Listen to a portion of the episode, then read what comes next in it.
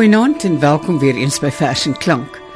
Vanaand gaan ons luister na verse van Wilma Stokkenstroom uit haar jongste bundel Hierdie mens wat sy gepubliseer het verlede jaar na haar 80ste verjaardag.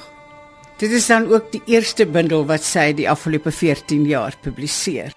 Dit is 'n opwindende bundel in die sin dat ek dink altyd die funksie van vers en klank is om mense na poësie te lok. En hierdie bundel help. Hierdie bundel is oënskynlik eenvoudig, toeganklik, gestroop van pretensie en selfbewondering. Op 80, nou amper 81, ek dink haar verjaardag is in Augustus, begin 'n mens sekerlik dink aan die einde, die punt waarvan sy praat dat jy 'n punt neersit aan die einde van jou lewe. En dit skyn deur hierdie werk. Die eerste gedig in hierdie bundel sê soveel van die bundel, maar veral van Wilma Stokkenstroom. En ek het vir Joni Kombrink gevra om vir ons die verse te lees. Luister hierna. Omt ewe. Hulle sê terloops my verse is nie singbaar nie. Hoopelik darm onthoubaar of skoon onverstaanbaar sal ek my steur aan hierdie hulle. Wat weet hulle van die waarde van prulle? Geagte leser, dink oor die volgendes. Skaar u u by die verbolgenis. Is u verwonderd of bedonderd? Terloops, dis my om te ewe. Luister na die vers katpligtig. Wat my opval in hierdie vers is hoewel sy gereed is om te sterf, die punt te plaas, kies sy vir haarself 'n mooi tyd om dit in te doen, die eerste dag van somer, 'n volmaan wat uitswel bo die vlei en rooi alwyne teen die randjies. Dan sal sy die punt wil plaas. Skatpligtig. Soos 'n boom weet sy blare wil die son voel, weet ek my gedagtes wil op en weg nie om in silwer skemering te droom nie in die rus van eeue gesus te slaap nie in bruin komberse van die aarde toegedraai grond te word vir boomwortels in korreltjie klein te splits nie maar om 'n punt te plaas. Die dag as die somer 'n dag oud is en die maan uitswel bo die vlei. Die alwyn rooi teen die randjie staan Sit beskuites des integrat.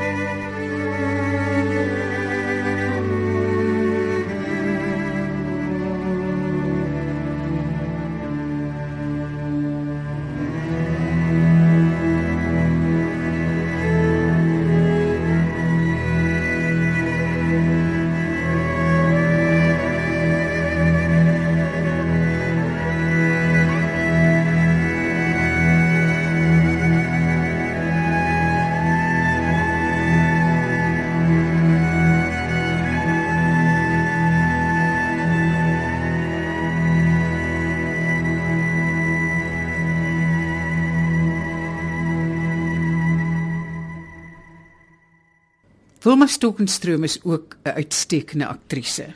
Sy het uitstekende werk gedoen veral van die klassieke aard op die verhoog en voor die televisiekameras en filmkameras. Die een ding wat 'n aktrise en 'n digter nodig het, is 'n fyn waarnemingsvermoë. Sy woon in 'n huis vir bejaardes. En in die volgende vers, Olkebolke, is dit duidelik hoe dat sy haarself verwyder van die gryskoppe en op 'n afstand net waarneem. In die laaste reël is daar iets van die verveling wat daardie mense dikwels ervaar, maar ook van haar eie verveling moontlik waarvan sy later skryf. Olkebolke In 'n stad van min klokke knik die gryskoppe op maat van 'n getamp. Nog een, nog een. En vier druppels beetslaai sous van die aftreeoort se middagete, die het kundig 6 maandeliks uitgewerk, keurig met wit papier se vette af. En kyk oor die tafel na mekaar.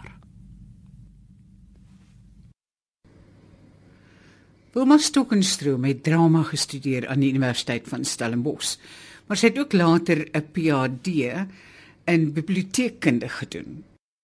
'n Kombinasie van daardie twee kwalifikasies of vaardighede sou meebring dat sy baie sensitief is vir die woord, vir die klinkklare klank van die woord, maar ook die verhouding wat 'n vertolker met die woord het.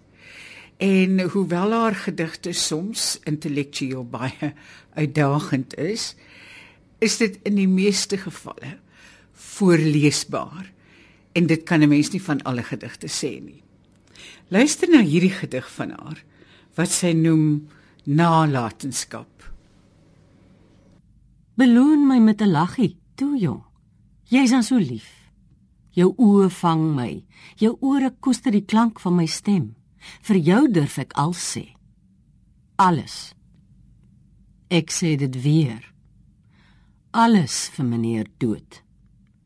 Laat die weduwee lewe nou.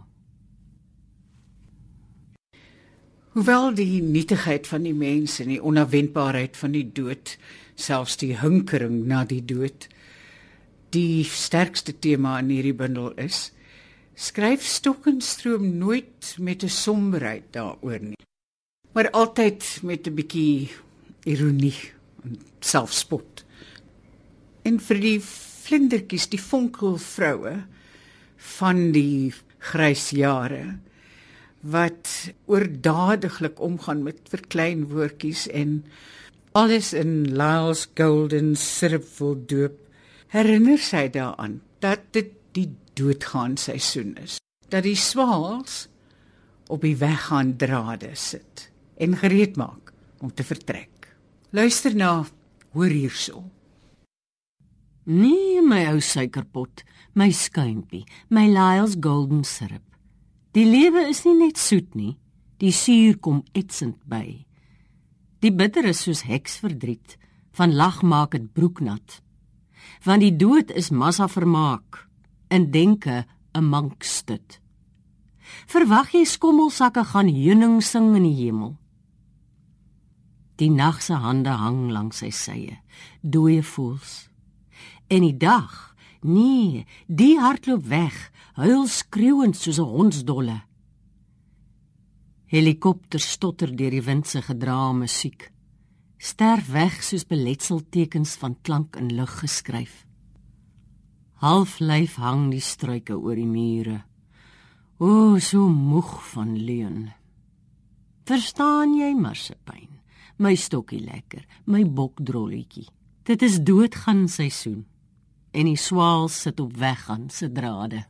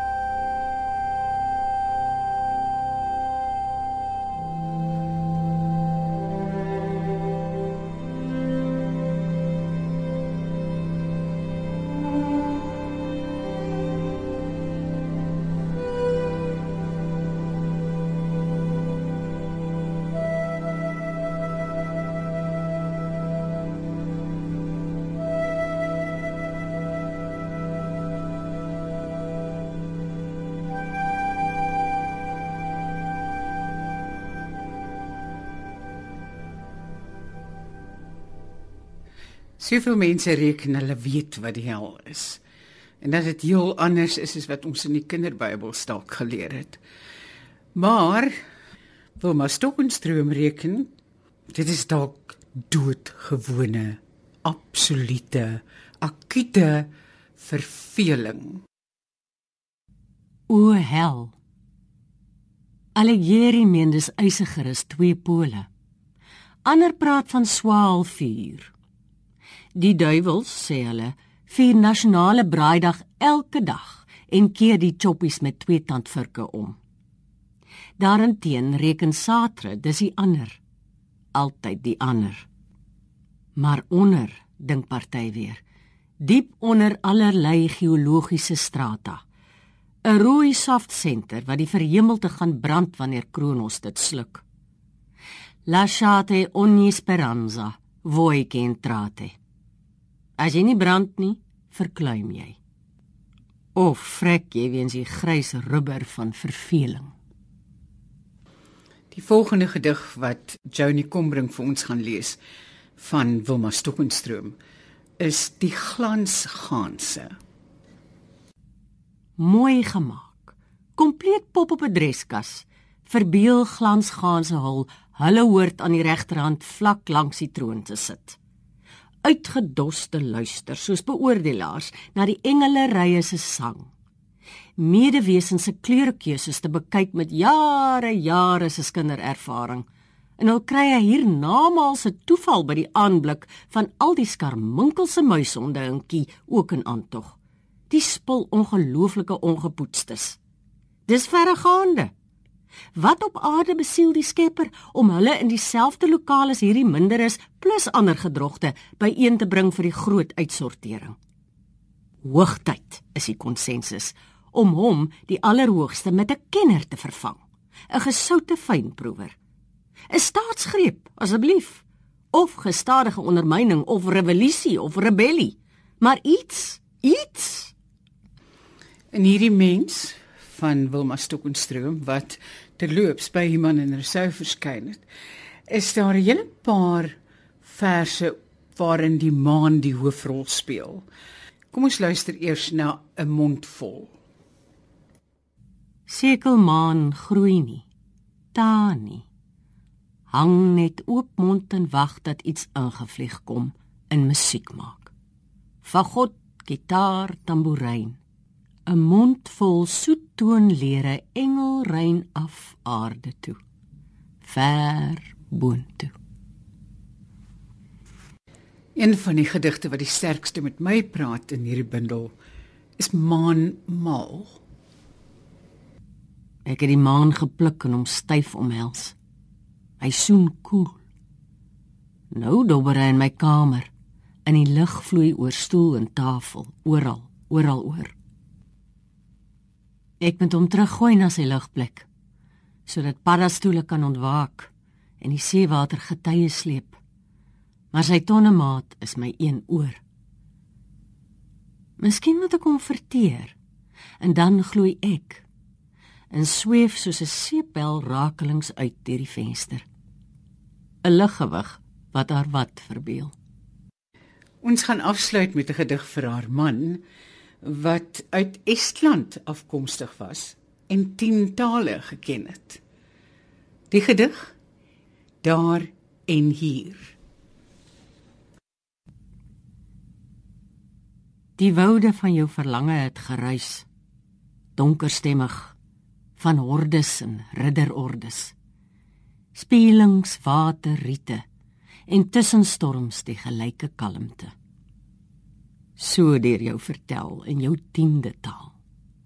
Ver ver verwyderd van oral altaais klinkersangerig op dorpspleine met klein fonteine op visserskuite op weiveld en rogland. In ou stede met ringmure en dik wagtorings minnet jy kon raai dat ons se hemelse blou oor rande en vlaktes jou sou vang. En hou tot die dood toe. Hier